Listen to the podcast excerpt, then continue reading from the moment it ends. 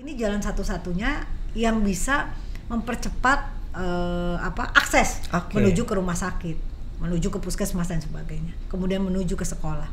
Itu kan ada kaitannya perempuan. Bersepeda atau tenis meja? Itu dua-duanya kesukaan saya. Iya, pilih Bu. Assalamualaikum warahmatullahi wabarakatuh. Selamat datang di Fox Pop Podcast Humas DPRD juaranya. Gimana kabarnya Sobat Fox Pop? Kali ini di episode ke-6 masih barengan Kakang Ray. Dan kali ini spesial banget nih Kakang Ray bakal ngajak Sobat Fox Pop Untuk ngobrol-ngobrol barengan seseorang.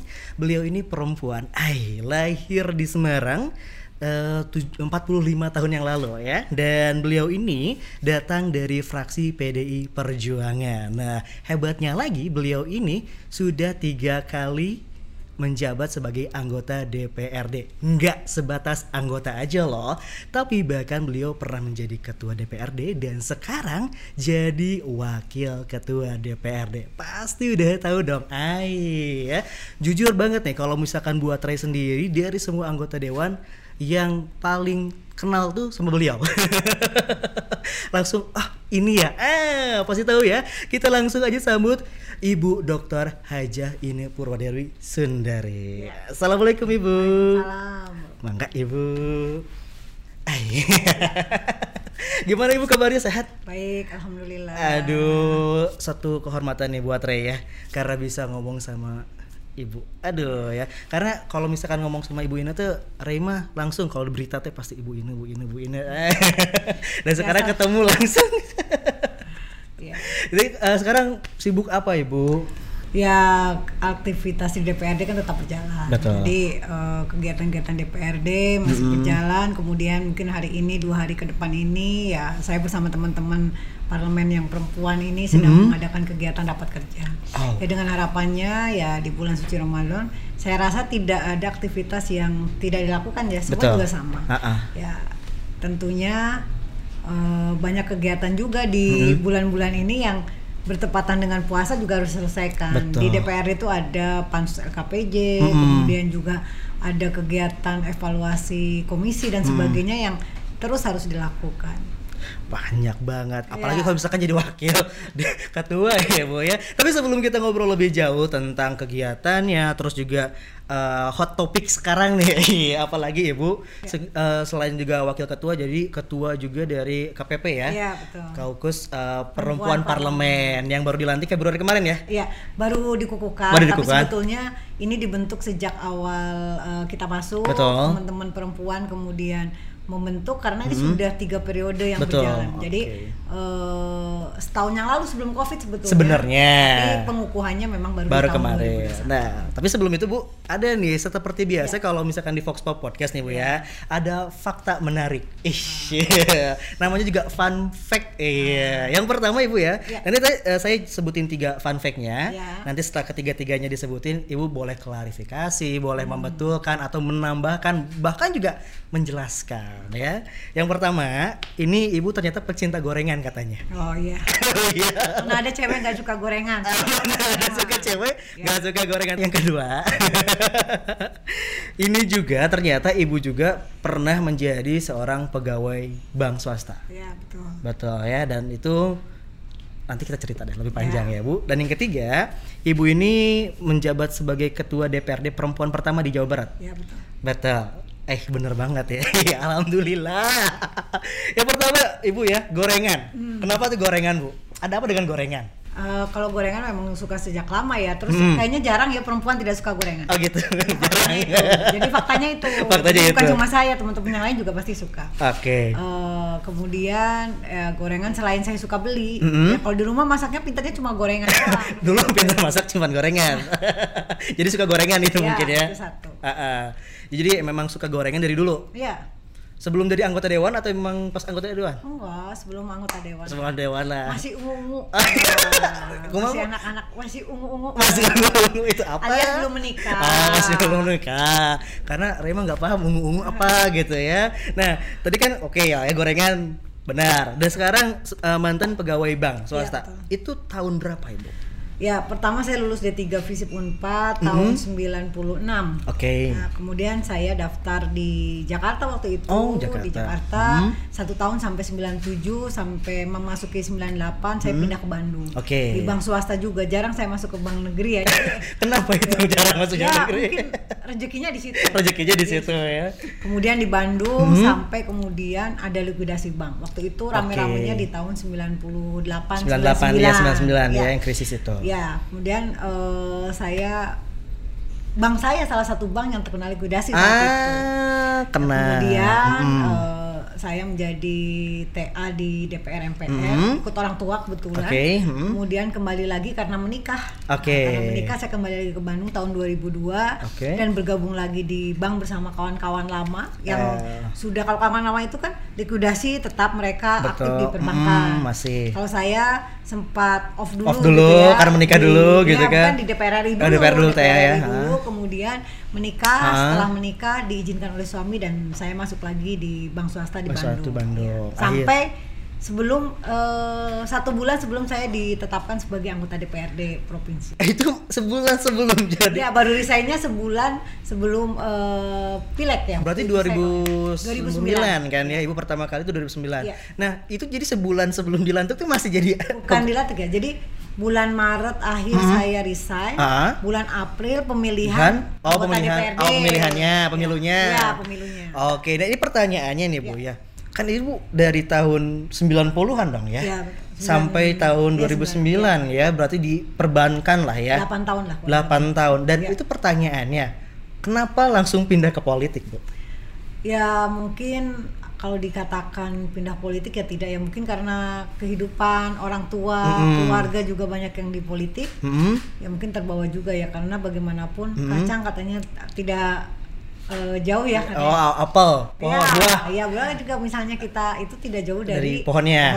Ah. Kemudian juga eh, kehidupan kita tentunya tidak jauh dari kehidupan di lingkungan kita juga. Oke. Eh, pada tahun 96 kan di Kaliku Perjuangan waktu Betul, itu ya. ha. Ayah saya dulu anggota DPRD di Kota Bandung Kota tahun Bandung. 92 Hmm. 9 eh, 92 97. 97. Tapi 96 karena perbedaan Hmm. akhirnya eh, tidak ikut yang pemerintah akhirnya Ya. tidak. Kemudian 99 di DPR RI. Oke. Kemudian saya punya uang juga Hmm. di partai politik juga Partai sebelumnya politik, gitu. oke. Jadi sepertinya di rumah itu ya kehidupan politik itu sudah ada. Walaupun Hmm. awalnya sih tidak tertarik sama sekali untuk Masuk politik. masuk politik. Karena Praktis kan- ya, politik praktis ya, lah ya. politik praktis lah ya. Hmm. Jadi eh, walaupun katanya kan kalau kuliah kemudian aktif di kampus itu juga bagian dari Politik, politik. betul. Kemudian kalau kita ingin mendapatkan sesuatu, memperoleh sesuatu pun gitu ya. Iya. Itu juga Politik. kita mengejar sesuatu itu Ya, politik. politik. Katanya kan bayi juga politik ya. Lahir kalau mau lapar nangis gitu Oh, itu, kan itu oh, politik. itu teori baru juga ya buat sobat Fox Pop ya. Ya, bukan ya.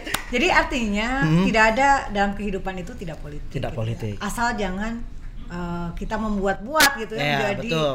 uh, mempolitisir itu nggak Ya, boleh, nggak gitu. boleh gitu ya. Nah, tapi yang menjadi pertanyaan titik baliknya apa, Bu? Ya, uh, saya banyak belajar terus terang. Oke. Uh, otodidak ya, maksudnya tidak belajar belajar ilmu politik tidak. Nggak, pra- Karena saya kan gitu ya. Hmm. keuangan ya. Betul. Jadi dasar kuliah saya itu keuangan. Ah. manajemen jadi tidak ada yang kaitan dengan politik awalnya Awalnya. tapi orang tua tuh uh, mengajarkan bahwa kalau kita ingin membantu Hmm. ingin juga berbuat Hmm. kemudian juga uh, melihat lingkungan kita yang memang perlu bantuan itu ya setidaknya kita memulai itu dengan kita menjadi bagiannya. Oke. Saya juga tidak ngerti apa Iya, maksudnya itu gimana Tidak gitu ya. ngerti. Oh gitu ya. Iya iya aja mungkin ya. ya waktu itu nggak ngerti gitu ya. Eh, baru selesai kuliah, Iya, tidak ada gambaran Hmm, dan bagi ke mana, saya iya. yang ingin saya kejar adalah bagaimana saya lulus kuliah Betul. dan tidak nganggur. Ah, Waktu itu. cuma itu. Pikirannya ke situ ya, ya. jadi nggak tahu. Kemudian banyak lah katanya. Kamu baca buku ini gitu ya sama orang tua. Karena kebetulan saya dulu juga aktif di organisasi gitu Betul. ya. Jadi saya dikasih buku, buku Bung Karno, buku Marayan dan sebagainya saya dikasih. Kemudian baca nggak ngerti juga baca, baca saja gitu ya untuk saja Cukup tidak baca doang gitu, gitu. baca. oh ini maksudnya apa ini mana? Oke. oh mungkin artinya peduli sama orang ya peduli sama orang saya juga waktu itu eh, yang saya pikir ya kalau kita punya rezeki ya Hmm. kasih ke orang Nggak gitu usah ya. gini gua ya. zakat Hmm. maksudnya itu nggak politik juga tapi kita bisa berbuat Betul. untuk orang lain ternyata di balik itu eh, maksud orang tua itu berbuat yang lebih Oke. karena ada yang bisa kita lakukan Hmm. dan itu tentunya ketika kita ada di dalamnya kita akan bisa melakukan itu lebih dari apa yang kita lakukan. Jen. Dan kalau kalau kita karyawan ngasih orang juga Terbatas juga. Kemudian eh, kita melakukan misalnya ada orang sakit minta Betul. bantuan Mm-mm. juga terbatas. Oke. Karena kan kita juga tidak mempunyai eh, kapasitas ya, betul. gitu ya. Waktu Ah. itu juga gaji kecil dan Pak. sebagainya. Saya tidak tahu gitu. Oh, ternyata eh, kebijakan yang pro buat Mm-mm. rakyat inilah yang kemudian maksud orang tua saya inilah yang bisa membantu Mm-mm. memberikan kepada masyarakat, kepada Oke. orang lain dalam bentuk Mm. kebijakan. Nggak ngerti kan? masih tetap masih masih ngawang kayaknya Ya. kata orang Sunda ya. Kemudian ada satu pelajaran yang saya dapatkan. Mm-mm. Jadi ketika orang tua saya kan waktu itu juga ketua DPC Iya. Kota Bandung gitu ya. Mm-mm. Saya di- diminta yang paling berkesan saat itu. Mm. Saya kuliah gitu ya. Waktu itu belum belum selesai kuliah disuruh bikin kamu bikin sambutan ini. Hmm. Kamu coba bikin eh, apa? Resum, Resum. dari pemikiran eh, misalnya Bung Karno ter- terkait dengan ini. Wah, kan saya cari buku Cari, tuh. iya, iya. Terpaksa jadi Terpaksa baca buku. Kayaknya orang tua tahu, oh buku itu tidak selalu dibaca gitu. Iya. kan. Setelah itu eh, ternyata maksud orang tua, oh eh, apa buku yang dikasih itu harusnya dibaca. Oke. Gitu. Saya suruh bikin. Wah, Dengan cara pernah- lain mungkin ya? Iya dengan cara lain. Iya. Itu mungkin pembelajaran yang diberikan kepada saya. Mm-mm. Bagaimana saya mau belajar, gimana saya mau mencoba Betul. untuk eh, masuk, Masuk. untuk mengenal politik, Politik secara pelan-pelan. Oke. Saya tidak tahu ya almarhum bapak saya itu mungkin salah satu orang yang eh, kemudian merubah mindset saya. Betul. Kemudian saya juga beralih ke partai. Walaupun terus terang beliau itu kan meninggal tahun 2004, Mm-mm. tidak bisa menyaksikan saya menjadi anggota DPRD. Betul. Kemudian tidak bisa menyaksikan saya jadi pimpinan DPRD. Boro-boro kan nggak nggak Iya. lihat. Tapi ternyata pendidikan-pendidikan beliau ketika saya masuk kuliah tahun 93 94 itulah Mhm. eh, yang menjadikan kemudian modal saya untuk berani terjun di politik. Politik. Jadi lucu waktu itu eh, saya nggak mungkin buku kok ditaruh dibaca cuma tiga lembar gitu gitu. kan. Buku pengantarnya daftar isinya Iya. mungkin ya mungkin padahal saya baca Iya. juga kan eh, orang tua nggak tahu Iya, karena kamarnya juga berbeda Beda, kan. ah, ah. Ya udah gitu suruh bikin pidato karena mau dibacakan Hmm. bapak saya yang notabene adalah ketua Iya. ketua cabang waktu itu Iya, DPC. kan saya khawatir gitu Betul. ya khawatir aduh nanti tulisan saya ini nggak bisa dibaca atau Ah, jelek atau takut salah juga. orang, takut salah dan sebagainya Betul. Saya pernah suatu hari itu sampai jam 2, jam 3 lah gitu saya tidak tidur hanya mencoba untuk memberikan yang terbaik buat ayah saya Hmm. Oke. pas habis sholat subuh udah alhamdulillah sambil nangis. oh sudah sudah sudah pas sudah mana ini gitu dibaca sama orang tua Oke. dibaca oh iya iya iya makasih ya Eh, nanti ikut acara papa ikut eh, jam berapa kata Iya. jam 9 biasanya saya ikut dengan harapan orang tua saya itu akan membaca teks atau Yang dibuat eh, ibu iya, ya. yang sudah saya bikin gitu Iya. ya waduh dengan percaya diri kan nanti bisa bilang ke orang Iya. itu hasil karya saya Hasil karya anaknya. ternyata gitu Ternyata pada saat eh, faktanya. faktanya gitu ya. pada saat sambutan pada saat acara Mm-mm. wah saya udah Oh, pede aja. Ah, udah jadi enak-enak di ya. samping nonton di gitu. Wah, hasil karya saya dibacakan pertama dan itu menurut saya pertama kali lah saya membuat tiga halaman gitu ya Hmm. Dicoba gitu eh ternyata tidak dibaca karya saya pidato saat itu tanpa teks Tanpa kata saya di mana Teksnya. gitu. Kerja saya itu di mana ternyata hanya di saku Jadi bagi saya eh, oh itulah pelajaran yang artinya Mm-mm. eh, orang tua saya sempat membaca mungkin Betul. juga ada satu dua Ya, kutipan- kalimat kutipan, kutipan yang mm. mungkin juga disampaikan Atau- tapi kan wah tidak dibaca berarti belum maksimal, Belum dan maksimal. sebagainya. dari situ mungkin saya termotivasi untuk terus belajar Oke. dan bagi saya di mana pun kemudian setiap saya ikut kegiatan ayah saya kemudian setiap ikut kegiatan kan kalau saya di bank kan Senin sampai Jumat Betul. kalau Sabtu Minggu itu rumah itu suka ramai banyak Bocah orang. orang kumpul gitu ya karena sekretariat dulu belum ada dan Iya. rumah saya adalah salah satu Tempat yang yang kadang dijadikan- tempat untuk ya, berkumpul betul. gitu. Kemudian eh, kalau ada kegiatan Sabtu Minggu saya pun suka diajak. Ah. Ya mungkin ayah saya mem- memin- menginginkan lah salah Betul. satu anaknya kebetulan kita tiga bersaudara Betul. perempuan semua Ah. ada yang ke politik. Masuklah satu Nah, politik. satulah di iya. politik. Tapi dicoba ini gimana ini gimana. Ya sudah akhirnya saya ikut. Awalnya karena dulu nggak ada yang MC suruh Hmm, MC, MC. gitu ya. Kecil-kecilan aja gitu kegiatan Kemudian, partai mungkin. eh, waktu itu kan ngetik itu ada pertama kali itu mesin, eh, Mesin tik. listrik. Ah. Wah, Belum ada komputer. Loh. komputer ada tapi belum semodern sekarang. Eh, Iya. Ya yang yang punya mesin tik listrik ayah saya tuh pergi kunjungan ke Batam beli itu. Ah, ah. Kasih ke saya. Saya nggak tahu ngapain. Buat apa saya, ini? apa. Ternyata buat disuruh-suruh ngetik. Ah. Disuruh ngetik, suruh bikin eh, tulisan tulisan ayah saya saya suruh ngetik mungkin sambil suruh baca dan Hmm. Oke. sebagainya kemudian ada komputer dibeliin komputer ya dulu kan Windows ya, MS Word ya, MS Word, ya. kan gitu hanya itu digunakan ya dasar-dasar saja digunakan ya karena orang lain belum bisa otomatis kan Hmm. hanya saya gitu Oke. dan nggak mungkin ayah saya menyuruh orang lain Iya, karena betul. eh, DPC saat itu partai kan nggak bisa juga bayar orang gitu Iya. ya. jadi anaknya yang disuruh-suruh Akhirnya ibu ternyata aja.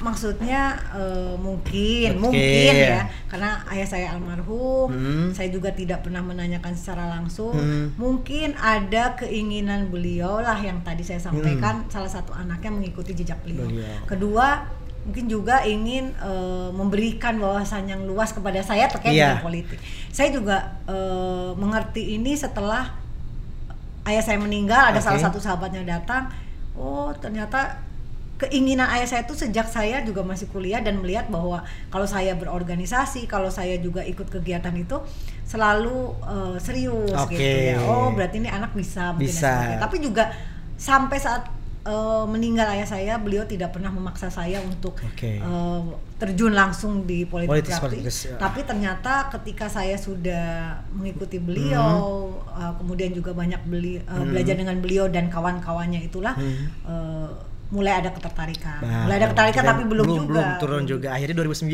lah ya, Ya, 2004 saya sempat menjadi salah satu caleg tapi nomornya nomor bawah. nomor bawah Eh, tidak coba-coba terpilih. mungkin Ya karena waktu itu juga sudah mulai diperlukan kuota perempuan. Oke. Walaupun kuota perempuan tidak seperti sekarang kan dari 1 2 3 harus perempuan. Perempuan, gitu. ah. Kalau dulu kan belum pokoknya Yang penting dari masuk satu aja. dapil ada 30% perempuan. Perempuan, Jadi oke. kadang nomor 1 sampai 5 cowok semua. Baru nomor 6 6, 7 7, 8 9 8. cewek.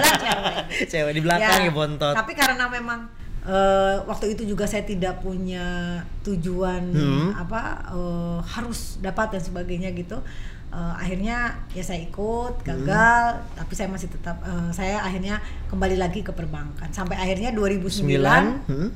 Nah, ayah saya sudah tidak ada dan bagi saya kemudian juga eh, menambah semangat saya untuk bagaimana saya bisa berhasil Oke. karena eh, saya ingin persembahkan keberhasilan saya itu kepada orang tua saya gitu. Oke, aduh dalam pisan ya mantap pisan ya.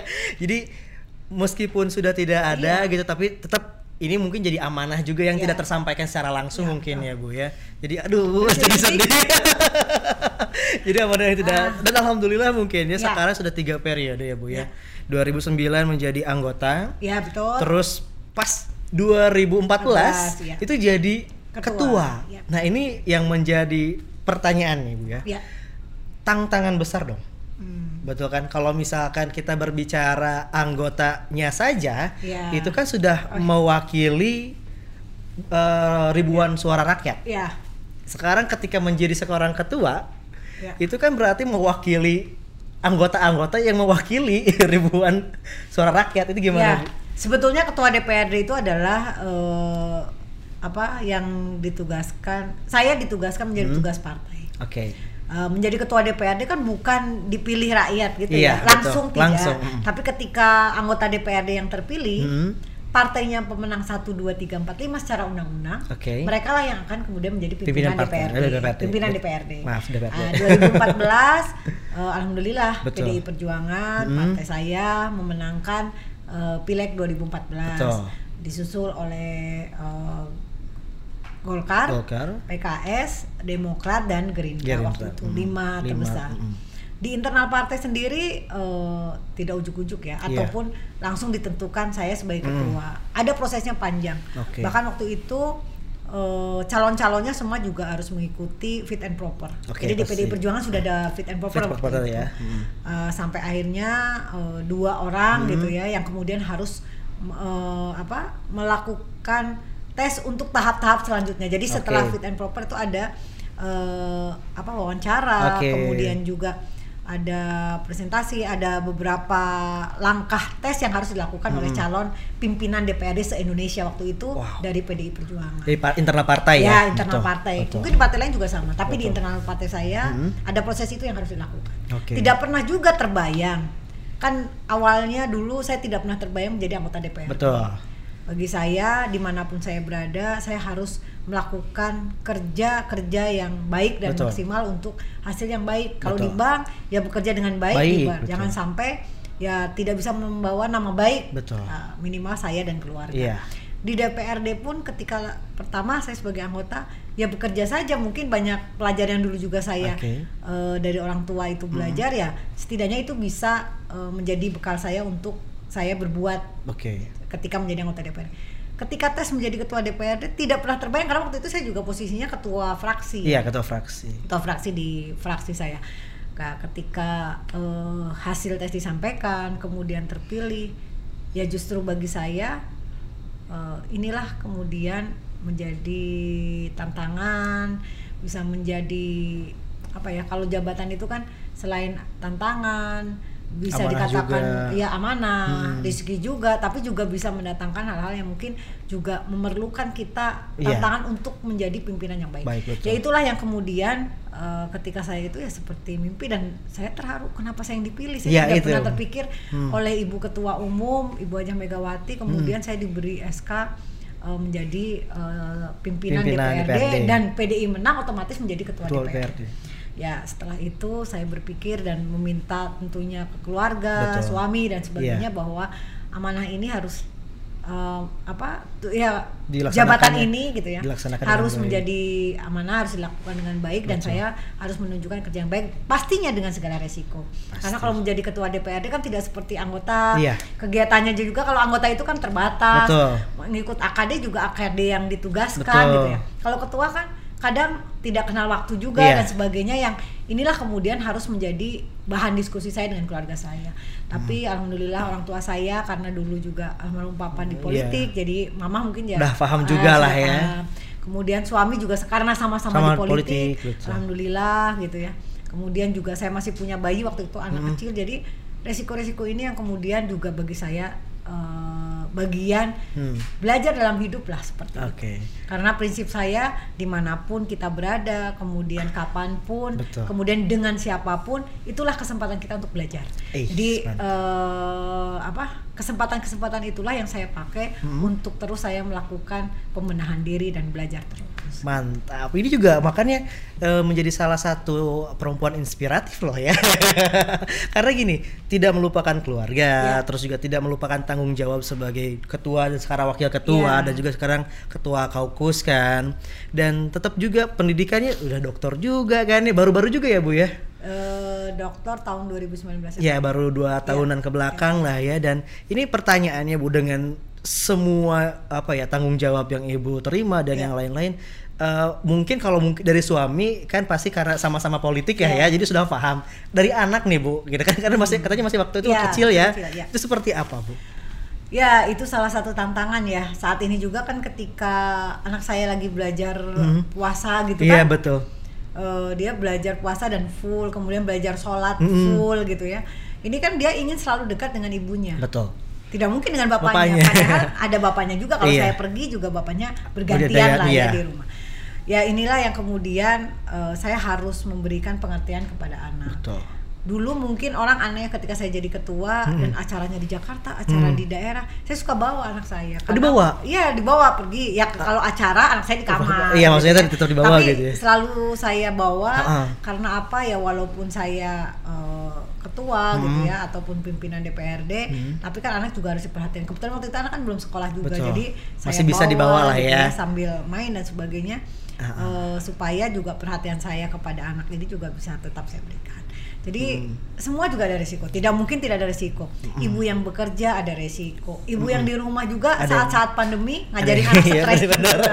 Apalagi sekarang sistem online Iya. gitu kan ya. Jadi tidak ada yang tidak ada resiko. Betul. Jadi tinggal bagaimana kita belajar untuk bisa membagi waktu, memberikan pengertian kepada keluarga Mm-mm. dan juga mungkin saya juga belajar bagaimana sih memanage ya. Kalau Iya. kalau kita kan memanage bagaimana Memanage, sih ya. di waktu-waktu sempit tapi eh, sangat berkualitas di keluarga. gitu. Betul. Mungkin itu jadi tantangan juga buat para perempuan-perempuan di Iya. luar yang ingin terjun ke politik praktis. Iya, betul. Karena kan posisi perempuan ya bisa dikatakan kan masih di Iya. rendah lah ya, Bu. Kadang kan mereka juga sudah aktif tapi kemudian mereka mundur. Hmm. Betul. Karena eh, ya mungkin tidak dapat izin keluarga, Hmm. kedua karena stres juga Betul. ya. Perempuan tuh stres kan Gampang stresan mungkin ya. sampai tidur tidak ada aktivitas yang tidak Hmm. dilakukan oleh perempuan Oke. tadi saya kan akan buka puasa di sini karena ada kegiatan di sini Betul. saya harus nyiapin dulu tuh di rumah Iya, hari ini masak siap-siap. apa buat suami kan Ah, ah, puasa betul. buat anak apa itu tetap harus dilakukan Betul. dan itu uh, rutinitas yang dilakukan kalau kita tidak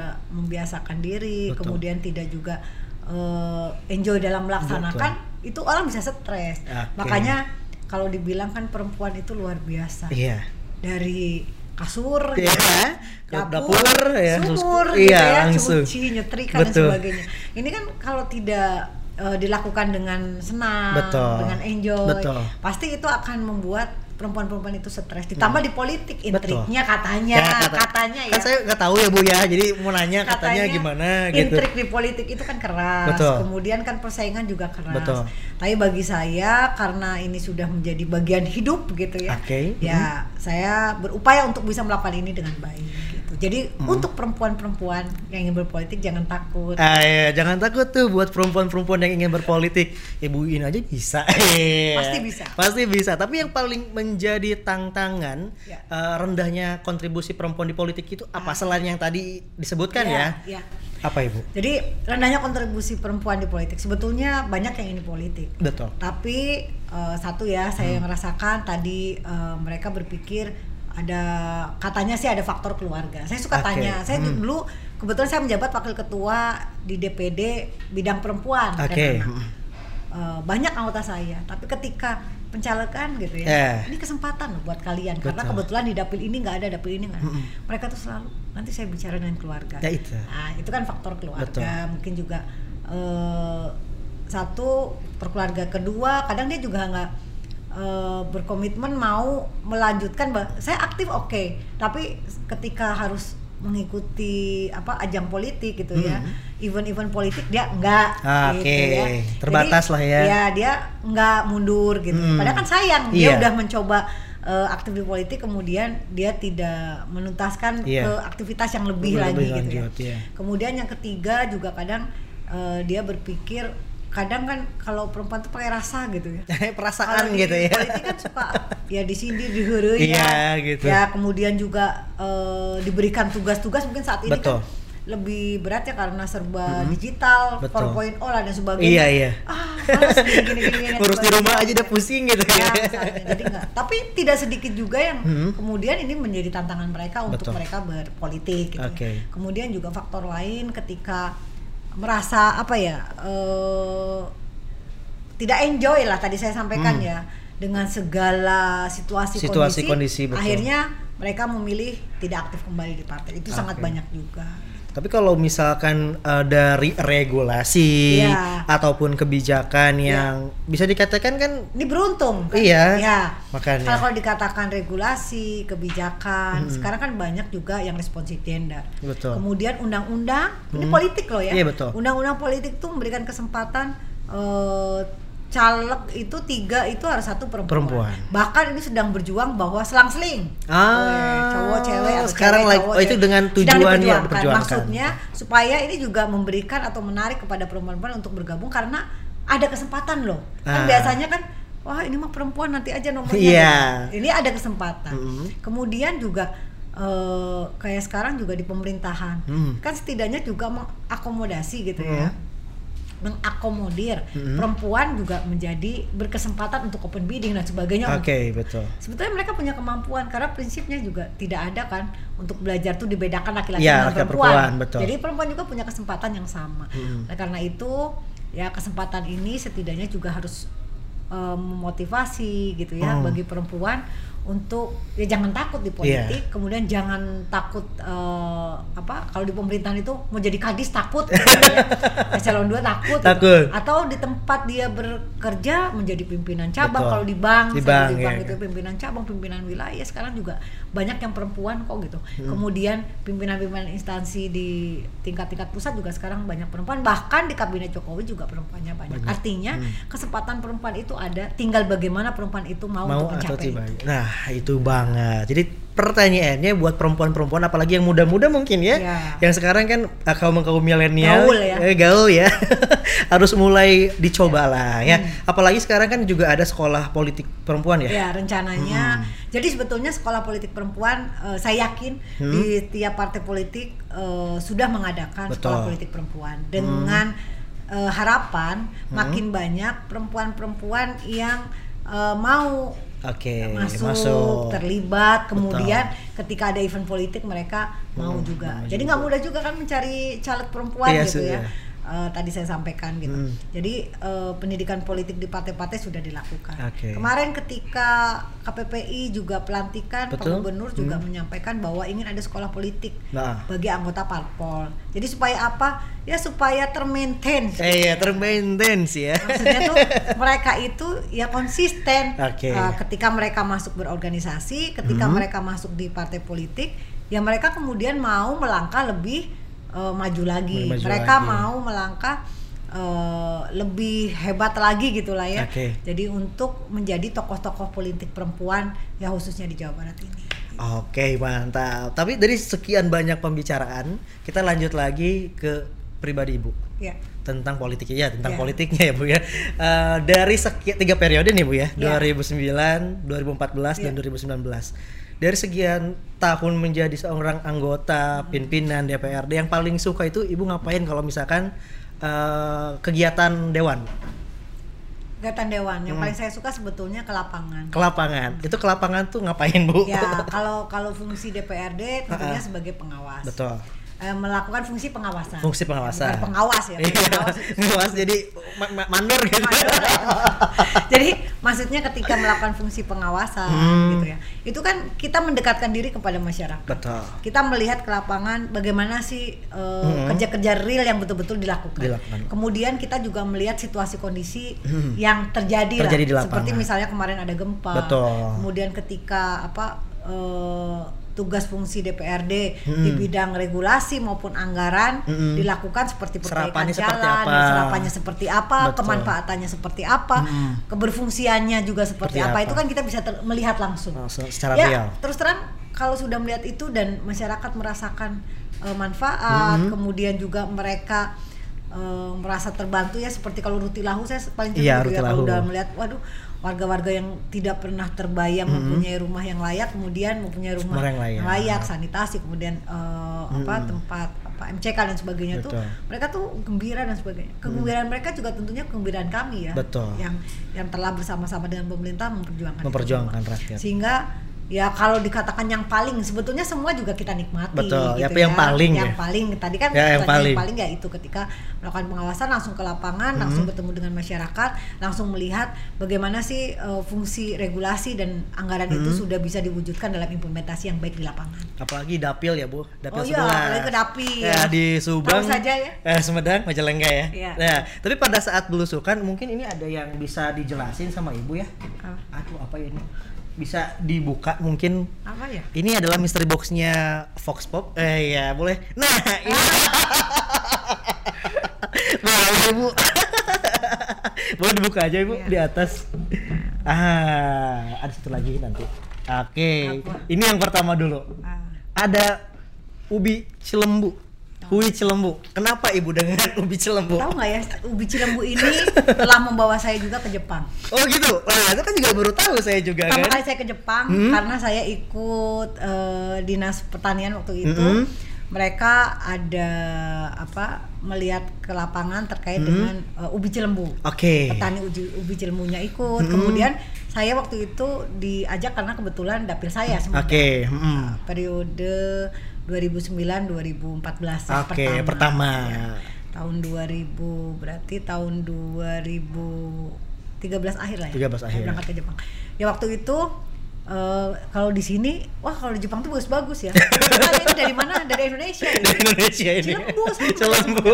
tapi luar biasa mungkin dipilih yang terbaik Betul. Harganya 250 dua begini dua dua gini bu gitu ya. dua ratus lima puluh ribu Dua ratus lima puluh ribu. Ah. Luar biasa kan itu kekayaan kita. Gitu. Oke. Makanya eh, waktu itu selain kita juga eh, belajar pertanian di sana, Betul. pertanian di sana itu nggak seperti kita nanam tenaga oleh manusia. Mereka Oke. sudah mesin. ah lebih modern lah Kemudian, ya, dari hasil yang baik mereka apa teliti kembali Hmm. untuk terus mengembangkan hasil eh, pertanian-pertanian mereka Hmm, luar biasa luar sehingga biasa. saya sangat mendukung nih ketika pemerintah saat ini pemerintah pusat kemudian partai saya juga sangat ingin ristek itu menjadi dasar Oke. untuk pengembangan ilmu pengetahuan Ah, pengembangan mm-mm. terhadap kebutuhan pangan dan Betul. sebagainya dari ristek waduh saya senang sekali karena apa saya pernah ketika kunjungan ya waktu itu ditugaskan kunjungan ke luar negeri itu melihat Hmm. secara langsung bahwa mereka menjadi luar biasa karena ristek karena Oke. eh, Oh, ya ya, pendidikan riset dan dan- riset teknologi Nah, ya. jadi karena itu saya melihat ketika kebijakan sekarang gitu Indonesia itu kan Hmm. kalau Indonesia maju ya salah satu modalnya adalah itu Betul, gitu. Jadi oke. sangat tepat. Ya inilah Cilembu. Selain itu, selain itu Selain itu bukan cuma karena ke Jepang gitu. Ya. lagi? Karena saya suka sekali eh apa kalau ke dapil itu Nah, itu. lewat. Lewat. Bahkan ketika Covid tahun lalu, Mhm. nah, saya membagikan eh, masker di itu di pasar Sepanjang- sepanjang jalan Ah. itu. Mungkin bisa lihat di IG saya. Jadi karena ya tidak akan pernah habis lah kalau cerita Cilembu. karena juga ibu juga karena kalau misalkan ada tukang satu dua apa jongko-jongko itu dibeli satu-satu katanya ya. Tahu ya? Iya dong kan humas DPR deh juaranya bu. betul, betul, betul. Jadi waktu itu eh, saya akan bagikan kembali. Eh, iya betul, ini dibagikan kembali. Saya kalau saya beli di sini Kasihan yang 10 sebelah. Kilo, kasihan sebelah. Akhirnya ini berapa? Ya udah saya beli eh, jongkonya ada berapa ya waktu itu? 13 atau berapa? Masing-masing 2 kilo. Masing-masing Yang penting 2 kilo. Mereka eh, apa terbagi, Terbagi, betul. mendapatkan rezeki dan itu pun kan dibagikan kembali. Betul. Tahu aja ya. Ih, ih, humas DPR deh ibu. Kapan belinya gitu ya? Kemarin Kapan kayaknya. Dan satu Saya lagi Sumedang lah, tapi saya nggak beli. ini. Dan satu lagi ini nggak bisa uh, barang asli ya. Durian. Takut ketahuan ya. bilang. ya, kegedean nih bu. Apalagi sekarang kan uh, jam-jamnya rawan bu. Kalau misalkan kita berbicara tentang durian apa ibu? Durian saya memang suka durian. Betul. Suka durian. Hmm. Tapi ketika saya mendapat dapil Subang Sumedang Hmm. Majalengka, ternyata ada salah satu dapil saya yang duriannya sangat terkenal. Ah, di Sinapa. Majalengka. Ya, Ah, ya, oke. di di kecamatan eh, Sindang ya, di Hmm. kecamatan dan itu ada salah satu daerah yang Hmm. memang durian dan kalau lagi musim Hmm. ini duriannya tidak kalah dengan durian-durian yang jual di total buah Oke. atau di mana manisnya manis sekali Mantap. dan terakhir Hmm. eh tiga minggu yang lalu ya tiga, Tiga minggu, minggu yang yang lalu, lalu. saya eh, sedang melakukan pemantauan vaksin Hmm. pulangnya saya diajak ke Curug di daerah Sinapel Hmm. gitu ya di daerah Sindang eh, di daerah Sindang di sana sambil makan duren kita bisa lihat Curug kemudian Wah, juga tapi setelah tugas selesai Setelah tugas gitu selesai, ya, pasti. ya. ya ada kesannya juga dan saya sempat membeli bibit Durian. durennya gitu ya Ah. untuk ditanam di rumah Bisa, Ya, berhasil, siapa- Bu? belum belum berbuah gitu Oh belum berbuah. tapi baru ditanam Baru ditanam. gitu. Semoga nanti kalau Semoga berbuah. sama gitu Iya. ya hasilnya Nanti karena kalau katanya gimana? kalau eh, Tanahnya beda. sinapel ditanam di Bandung belum tentu katanya Oh rasanya jadi sinapel ah, katanya katanya. katanya. ya semoga sama Tapi kalau misalkan sudah jadi nanti saya main ke rumah ibu ya. boleh boleh Minta kita ambil buahnya aja. Jadi benar ya dia cilembu dan Oh. durian makanya ini juga saya kaget ketika ibu oh setiap itu berhenti berhenti beli beli wah berarti memang eh, real ya eh, pahlawan UMKM ini judulnya. Oh. Ini susah kan bu kalau Ya. misalkan dalam artian kita harus eh, adil dan rata Iya. untuk apalagi dengan kondisi sekarang Iya, covid iya. dan yang lain-lain. Nah sekarang kita berlanjut ke ngobrol tentang KPP bu. Iya. Sebagai ketua KPP 2020 ya, Iya, sampai 2019, 2019 sampai 2024 gitu. Nah sebenarnya fungsi dan tujuan KPP dibentuk itu selain untuk eh, mempersatukan eh, para perempuan-perempuan Ya, parlemen, ya, ya. itu sebenarnya goalsnya itu mau ke mana ibu? Ya, KPP itu sebenarnya sudah terbentuk dan Betul. ketika dulu periode saya pertama saya sebagai wakil ketua. Betul. Periode yang kedua karena saya ketua, saya tidak eh, kan nggak boleh ya Iya. ketua hanya apa merangkap sebagai ketua KPP Betul. atau hanya ingin mengambil ini kan Iya. enggak juga saya berbagi kepada teman-teman saya tidak. Mm-mm. Ketika kemarin saya sudah menjadi wakil ketua, saya juga sebetulnya menolak. Betul. Biar saya tetap eh, membantu kawan-kawan saja, tapi saya di belakang layar. Oke. Tapi teman-teman meminta Mm. eh, teh udah sama Teh Ino saja katanya Mm-mm. kita ingin eh, apa maju bersama lah untuk membangun KPP ini. Betul. Saya bilang oke saya mau, tapi eh, komitmennya kawan-kawan perempuan parlemen harus bersama-sama Betul. bekerja, harus bersama-sama melakukan aktivitas, kemudian harus bersama-sama juga bisa apa mengorbankan waktu karena kan KPP ini tidak digaji, Betul. kemudian juga justru dipotong gaji kita tiap Ah. bulan ya 500 ribu itu untuk kegiatan-kegiatan yang kita lakukan karena KPP kan nggak punya Nggak ada anggarannya. kalau tidak dari eh, anggota DPRD yang perempuan. perempuan, betul. Nah, jadi banyak pengorbanan lah Hmm. gitu ya. Akhirnya karena ini juga dipilih oleh teman-teman, teman-teman Hmm. mau. Jadi saya tuh bersyarat itu. Saya menjadi ketua. Syaratnya apa syaratnya eh, begini begini begini. Teman-teman mau dan Hmm. eh, alhamdulillah kompak sampai sekarang. Betul. Akhirnya saya menerima jabatan sebagai ketua KPP. Betul. Hmm. Ya KPP ini kan didirikan Kaukus Perempuan Parlemen Iya.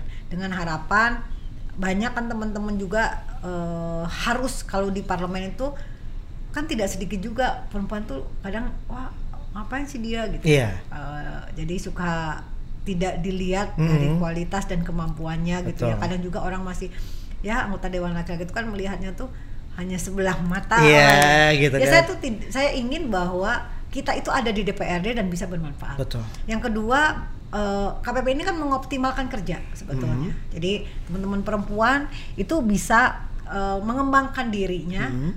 Ya tidak lepas dari tugas. Betul. Sama, ah, laki-laki juga me- apa melakukan apa perda, Betul. membahas anggaran itu sama. Sama. Melakukan pengawasan ke lapangan juga laki-laki perempuan mah sama. Tapi bagaimana sih eh, teman-teman perempuan parlemen ini Hmm. juga bisa melakukan tugasnya dengan lebih luas lagi. Oke. Saya ingin itu. Kemudian eh, bahwa kebijakan yang responsif gender ini Ya, betul-betul juga eh, dimanfaatkan oleh kita sekalian sebagai Hmm. perempuan parlemen adalah kesempatan memberikan eh, apa sih ya memberikan perjuangan untuk bagaimana perempuan berkembang Oke. ya misalnya kita punya perda kewirausahaan Hmm. kenapa enggak sih kewirausahaan yang nanti disupport gitu kewirausahaan yang perempuan-perempuan Perempuan, misalnya. misalnya. kemudian ekonomi kreatif banyak kok sekarang perempuan-perempuan yang kreatif Betul, gitu betul. ya kemudian banyak-banyak anak-anak mahasiswa yang kemudian juga perempuan yang Hmm. Punya ide-ide inovasi, inovasi gitu gitu kan, kan, Nah, gitu. bisa lakukan kemudian juga yang bekerja di perusahaan-perusahaan berhasil juga banyak yang perempuan jadi Hmm. kenapa tidak sih bahwa eh, kebijakan itu juga dirasakan oleh perempuan. Perempuan, Kemudian oke. juga kalau kemudian bahwa masalah kita di Jawa Barat masih banyak masalah eh, apa kekerasan perempuan. Betul, betul. Kemudian eh, pekerja migrannya juga katanya Iya, katanya, itu katanya. sebagian besar adalah perempuan, Perempuan. yang kemudian diperlakukan tidak baik dan Betul. sebagainya. Ini kan PR-PR yang kemudian harus dilakukan. Betul. Ya lo- apa komunitas ini, teman-teman ini, kaukus ini ya saya berharap setidaknya bisa juga kita mengoptimalkan yang tadi yang harus kita perjuangkan secara bersama. Oke. Kalau sudah berkumpul, ini kan beda-beda warna ya, beda-beda partai. Tapi saya yakin setiap partai mempunyai kebijakan yang sama. Bagaimana sih kita memperjuangkan masyarakat dalam hal ini perempuan untuk bisa lebih hidup lebih baik lagi ke depan, Betul. bisa juga eh, apa? Bisa memberikan apa warna Hmm. dalam kebijakan itu yang betul-betul responsif gender.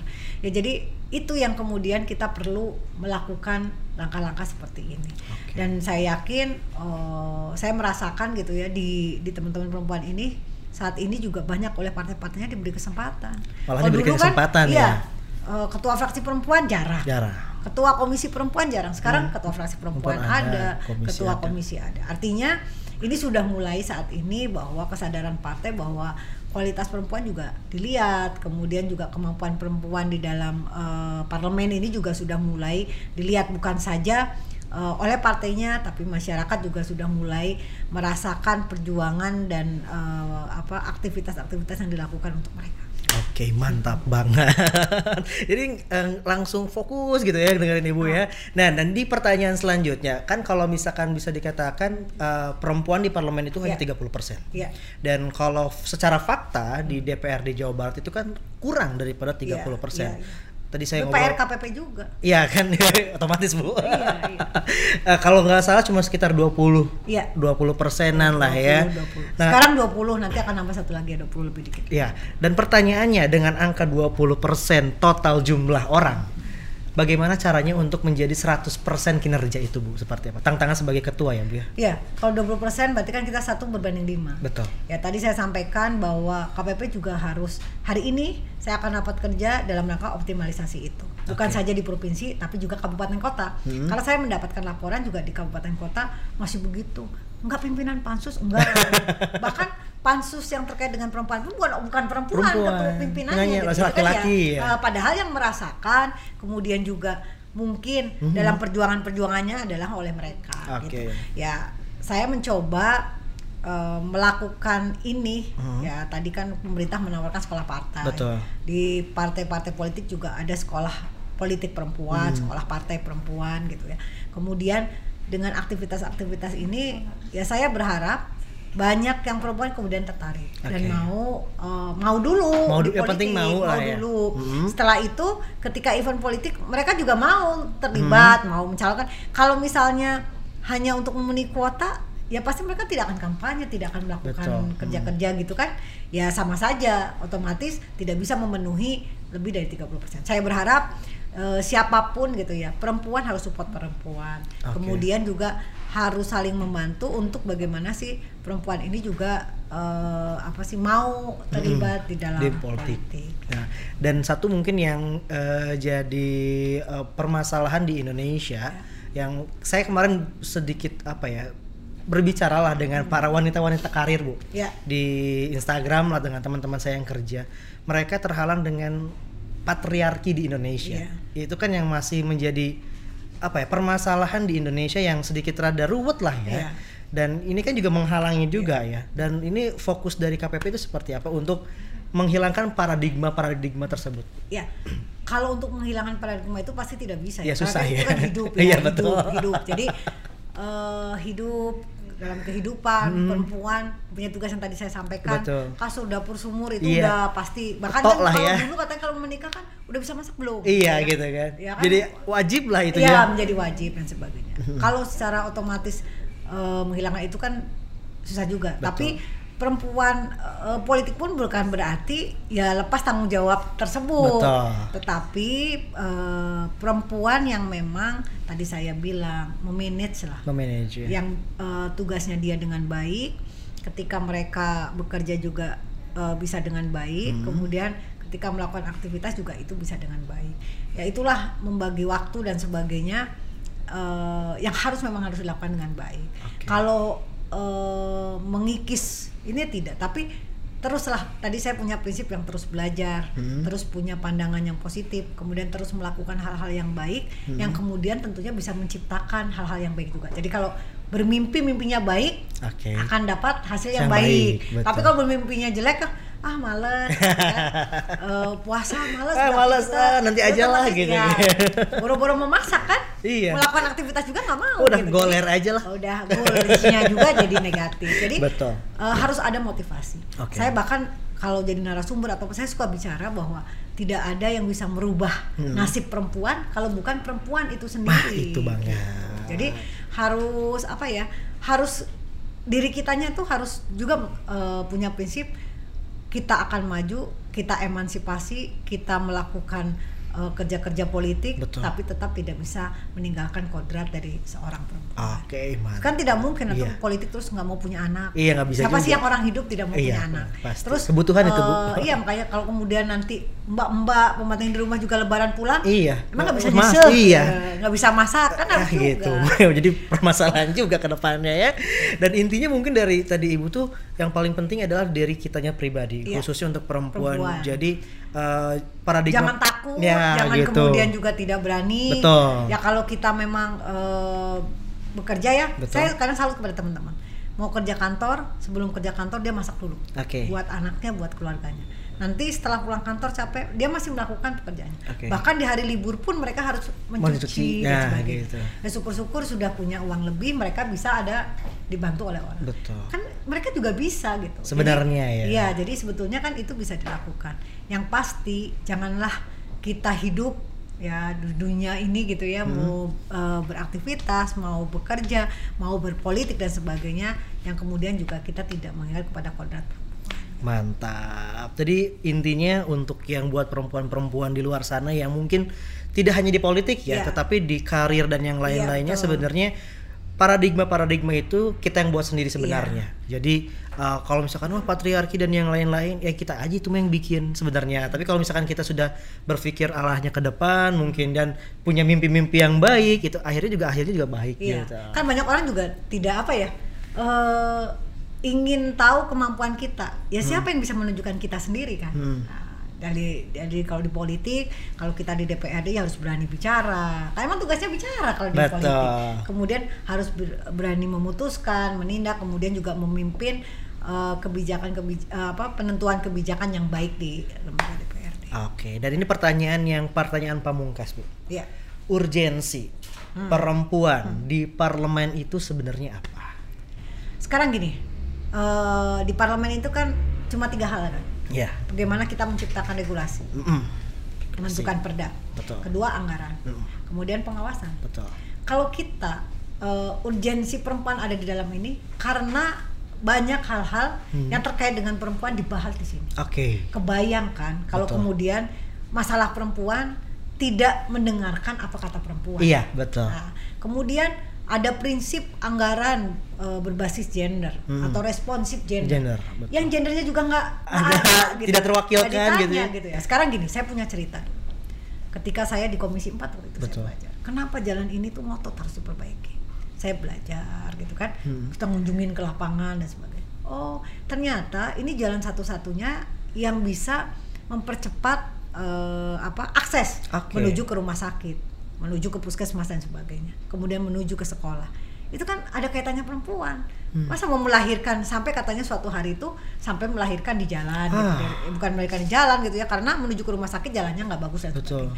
Itu kan yang disebut dengan responsive gender. Iya. Bukan saja misalnya Betul. seperti kegiatan KPP ini gitu Iya. ya, hanya rapat hanya gitu. Enggak, tapi lebih bagaimana sih implementasi dari kebijakan itu bisa diterapkan dengan baik Bet- seperti itu. Oh, kan ada orang kan oke. kalau apa sih itu eh, Iya, anggaran yang iya. responsif gender. Mm. Jadi kalau anggaran responsif gender itu adanya di DP3 AKB yaitu Iya. kegiatan PKK, PKK kegiatan itu, misalnya iya. ikiat, kegiatan yang eh, ibu-ibu saja Hmm. padahal yang namanya anggaran berbasis atau responsif gender ini harus ada di setiap dinas. Oke. Nah, itu kan kepentingannya buat perempuan. Perempuan, Kalau betul. tidak ada, kira-kira anggota Akan DPR dipikirkan.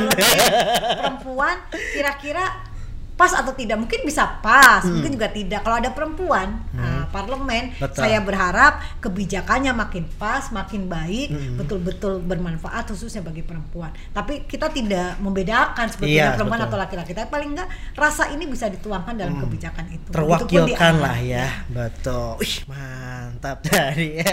Ya, ibu tentang perempuan tentang KPP terus Ya. juga bagaimana kita seorang seorang bukan saya ya. Kalian mungkin sobat Fox sebagai perempuan harus melihat ke depan itu seperti apa Iya. ya sebelum ditutup ibu Iya. karena udah satu jam juga ternyata kita ngobrol nggak kerasa ya. nggak kerasa tapi sebelum ditutup kita ada games dulu ya ini ada rapid question Hmm? Ya, jadi pertanyaan nggak pertanyaan panjang sih bu. Jadi eh, saya nanti kasih dua pilihan, nanti Iya atau tidak? ibu tinggal pilih salah satu. Nggak susah-susah kok. Nah, nanti setelah semuanya dipilih, nanti saya akan bertanya kenapa alasannya. Nah, iya. Oke, siap bu? Iya. siap. jadi tegang gitu perasaan saya mimpin paripurna tidak setegang ini ibu bisa aja. siap bu? Siap. Yang pertama, gampang kok bu. Durian atau gorengan? Oh, durian Durian. Membaca, memasak. eh saya dua-duanya suka ya Eh iya, harus pilih, harus pilih. memasak Memasak, bersepeda atau tenis meja? Itu dua-duanya kesukaan saya Iya, pilih bu. Iya ibu pilih. Ibu mah seneng, ternyata risetnya betul. Ayo bu, harus pilih bu. apa ya Eh, sepeda lah sepeda lah ya. Pin-pin rapat atau belusukan? belusukan Belusukan. Eksekutif atau legislatif? Legislatif. Bisa aja jawabnya ibu.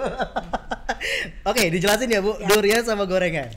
Ya kalau gorengan eh, seribu perak saya udah dapat duri. eh, udah Dapat banyak ya, satu ya. Kalau durian kan mahal. Oh, jadi lebih- kitanya termotivasi. Effortnya lebih lah ya. Iya, kita termotivasi untuk bisa membeli durian. Ya, oke. Dulu waktu saya ingat waktu kuliah saya suka durian. Oke. Tapi saya tidak pernah menyatakan ini kepada orang tua untuk membeli durian karena nggak punya uang. Eh, jadi kenapa saya pilih durian? Karena itu akan memotivasi saya untuk bisa mencari uang untuk bisa membeli durian. Ai, ah, jadi ada eh, apa latar belakangnya di situ ya. Ya, karena dulu pingin durian nggak punya duit. punya duit. Jadi sekarang termotivasi cari duit. Gimana caranya biar dapat durian nerjerit dulu Ya. gitu ya. Langsung membaca dan memasak. Ya. Apa tadi? Memasak. Saya tadi pilih memasak. Masak. Sebetulnya ini dua-duanya saya suka, tapi kok pilihannya susah gitu. Eh, humas DPRD juaranya, Bu. Tapi gini ya, kalau kita baca saja, Betul. kita baca saja, tidak diimplementasikan sama aja nol. Oke. Kalau masak, saya bisa masak juga awalnya baca, baca resep, Aduh, bener baca ya. baca TV ya, Iya, TV, iya, resep gitu TV kan. gitu ya. Kemudian juga eh, baca. Sekarang kan orang juga kalau sekarang nggak nggak buku lah, nggak bisa iya, zaman buku saya. lah, internet saya dulu lah. karena di karena eh, disuruh masak bapak saya, saya sampai beli buku resep yang paling murah di buku bekas. Hmm. Ah. Jadi saya terpaksa baca, Baca. tapi alhamdulillah jadi bisa masak. Oh, jadi benar ya? Tapi kalau cuma baca Ah, ah. tidak dilakukan Nggak ada implementasinya ya, Iya kan, betul. bisa kita mau sekolah dokter nih, Ah. mau sekolah gitu Iya. ya. Tapi baca saja. Ketika eh, tidak diimplementasikan kita kerja setelah Betul. ilmu kita ada kan nggak bermanfaat juga. Betul Kalau masak kan dimakan. Implementasinya ada, hasilnya ada. Bingung itu. itu. Sekarang bersepeda, tenis meja. Ayo. Nah, bersepeda. Sebetulnya Bersepeda. Eh, hobi saya itu tenis meja. Dari dulu saya tenis Hmm. meja. Pernah lah dulu waktu saya kuliah di tiga itu saya ikut kejuaraan sampai unpad ya. Ah, sampai Oke. Unpad. Tapi di unpad ternyata jago-jago. gitu. Juara-juara Tidak gitu. terpilih lah juara berapa lah gitu. Ah, ah. Tapi bagi saya bukan masalah juara. Betul. Tapi itu kan hobi saja. Hobi, Hobi, kebetulan di fakultas saya nggak pada bisa, saya mewakili. Oke. Tuh ya. Kemudian kalau tadi saya pilih sepeda karena sepeda selain olahraga refresh gitu Rekreasi ya. juga. Kemudian rekreasi juga, Betul. betul. Jadi kalau tenis meja kan di satu tempat Iya, gitu. betul. Jadi kalau gitu bersepeda aja. kan hari ini saya mau bersepeda ke alun-alun gitu Nah, ya, sambil lihat. oke. Kadang saya juga lihat ini kok banyak yang rusak juga ya sambil uh, Ya, sambil dilihat. Cuci mata lah, Cuci ya, mata. Kemudian gitu. juga eh, nambah teman Betul. gitu kan jadi ada komunitas ini komunitas ini gitu ya yang mungkin tidak satu pekerjaan dengan saya gitu. Hmm. kemudian juga bersepeda juga kan eh, apa bergerak semua kan Betul, sama sih sebenarnya tenis meja juga bergerak semua tapi lebih eh, di satu ruangan atau Betul. apa kalau ini lebih terbuka Terbuka sambil juga sambil belusukan juga nanti pilihan Ya. selanjutnya gitu kan. Kalau kampanye kemarin saya di saya ikut kampanye lah di Hmm. Inamayu gitu ya. Kemarin itu eh, salah satu kampanyenya juga dengan bersepeda. Oke. Belusukan. Tadi pimpin rapat dan belusukan, belusukan. Ya, eh, Senang ketemu masyarakat, Sebetulnya dua-duanya saya senang. Karena kalau sebagai ketua kan tugasnya juga mimpin rapat. rapat, betul. Eh, mengomandani lembaga DPRD. Betul. Tugas utamanya ya mimpin rapat. Betul. Eh, sekarang juga nanti rapat kerja mimpin, Mimpin rapat, rapat juga. lagi. Tapi sepertinya kalau mimpin rapat kan sudah men- ya sehari-hari Sudah gitu ya. sehari-hari. Kalau belusukan itu kan ya dari rapat-rapat itu ya sama ya kita yang belusukan. Hmm. Terus kalau rapat itu kan ketemunya juga terbatas. Betul. Apalagi kalau misalnya tertutup, rapatnya tertutup hanya dengan DPRD saja. Betul. Tidak dengan mitra. Kalau Oke. terbuka kan ada mitra, ada eh, apa? Ya tamu undangan, Tamu gitu. undangan. Tapi kalau belusukan kan kita mendatangi, Masyarakat, kemudian ketemu warga. dengan masyarakat. Betul. Kita tahu mana yang harus dibantu, mana yang tidak. Betul. Kemudian juga belusukan itu juga banyaklah ketemu orang yang bermacam-macam. Di situlah saya juga belajar. Oke. Jadi banyak eh, ilmu-ilmu otodidak yang didapatkan dari belusukan. Oke. Kayak dulu kan ada ya Pak Jokowi Iya, terkenal dengan belusukan, belusukan. belusukan ya, Karena betul. saya yakin sama gitu. Hmm. Beliau mendapatkan eh, inspirasi kemudian melakukan inovasi berkreativitas itu berpikir awalnya dengan belusukan itu. Hmm. Ketemu dengan Jadi masyarakat, kalau ya. dulu kan ilmunya belajar, Iya. kemudian memastikan. Iya. Sekarang kan belajar Belajar, iya, belusukan iya. iya, nanti jadi kebijakan. As, mantap, juara. yang terakhir eksekutif legislatif. Iya. Legislatif loh. Sekarang kan saya Legislatif. di legislatif. Sekarang legislatif, Bu. Iya. Ada rencana ke depan mungkin? Belum. Belum. Kalau prinsip saya saat ini eh, apa yang saya kerjakan ya kita fokus dan serius dengan apa yang kita kerjakan. Oke. Gitu aja. sih. Gitu aja, simpel Hidupnya ya. hidup saya mengalir saja. Mengalir saja. Mungkin juga jadi salah satu ah mungkin belum kepikiran juga makanya masa apa masih ada sisa jabatan juga mungkin. Iya. ya. Kayak gitu. Oke ya. Dan dari sekian banyak obrolan juga saya minta satu kali Bu uh, closing statement dari Ibu untuk sobat Fox Pop apalagi buat perempuan-perempuan di luar sana. Jadi untuk uh, perempuan-perempuan yang ada di Jawa Barat, ya di Indonesia khususnya di Jawa Barat, tadi banyak yang kita sampaikan tapi ada satu hal, jangan pernah berhenti belajar, jangan pernah berhenti ya apa sih ya menyerah ketika Menyerah. kita menghadapi masalah gitu ya. Kita harus fight, kita harus uh, bertahan terhadap menghadapi masalah. Jadi banyak salah satu yang saya rasakan tuh uh, sekian banyak perempuan itu adalah cepat menyerah katanya Hmm. gitu ya. Kemudian juga jangan pundungan. Jadi harus someah kalau di bahasa Sunda itu harus tetap uh, bisa menerima orang-orang luar, tetap uh, mencintai juga mendengarkan masukan dari luar. Dan yang paling akhir tadi yang berapa kali saya sampaikan, Hmm. kalau kita ingin merubah hidup kita, perempuan ingin merubah bahwa perempuan ini ingin maju, perempuan juga ingin berdaya, perempuan ingin eh, berkarir sukses, perempuan ingin tidak kalah dengan laki-laki, ya itu ada dalam diri perempuan sendiri. Sehingga potensi yang ada dalam diri kita, kemudian kekuatan yang ada dalam kita, kemudian eh, apa sumber-sumber Sumber. energi positif yang ada dari kita ya harus diperjuangkan untuk kita capai. Tidak akan ada yang berubah nasib seorang perempuan kalau bukan oleh perempuan itu sendiri. Ais, Itu harus yakin, itu harus yakin karena itulah yang kemudian bisa membawa kita sukses ke depan. Itu banget. Dicatat ya buat sobat Fox Pop semua di rumah ya. Dan boleh banget nih buat sobat Fox Pop semuanya terima kasih Ibu Ina. Ya, nggak ada duranya ya? Nggak ada. Nanti deh minta ketemu Mas ya Bu ya. Buka puasa nanti.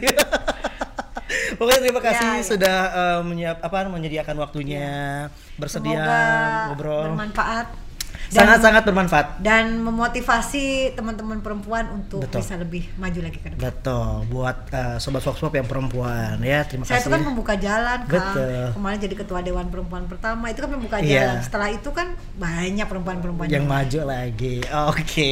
Terima kasih Bu Iya, ya. sami-sami. Semoga kita ketemu di lain ke- kesempatan. Semoga sehat-sehat selalu apalagi buat kondisi sekarang ya. Covid masih Covid Iya, ya. betul. Jadi harus jaga eh, jarak, menggunakan Iya. masker dan mencuci tangan, terus juga mengurangi mobilitas dan juga mengurangi kerumunan Iya. ya. Dan buat sobat Fox Pop semuanya yang ingin eh, nonton, jangan lupa di subscribe channel uh, YouTube DPRD Jawa Baratnya.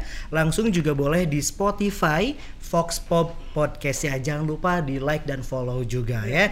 Dan terima kasih sekali lagi kalau kayak gitu Reynya pamit, Ibu Ininya juga pamit. Terima kasih tim Humas DPRD Provinsi Jawa Barat, Humas DPRD juaranya Bu. Kalau kayak gitu Reynya pamit. Wassalamualaikum warahmatullahi wabarakatuh. Bye bye.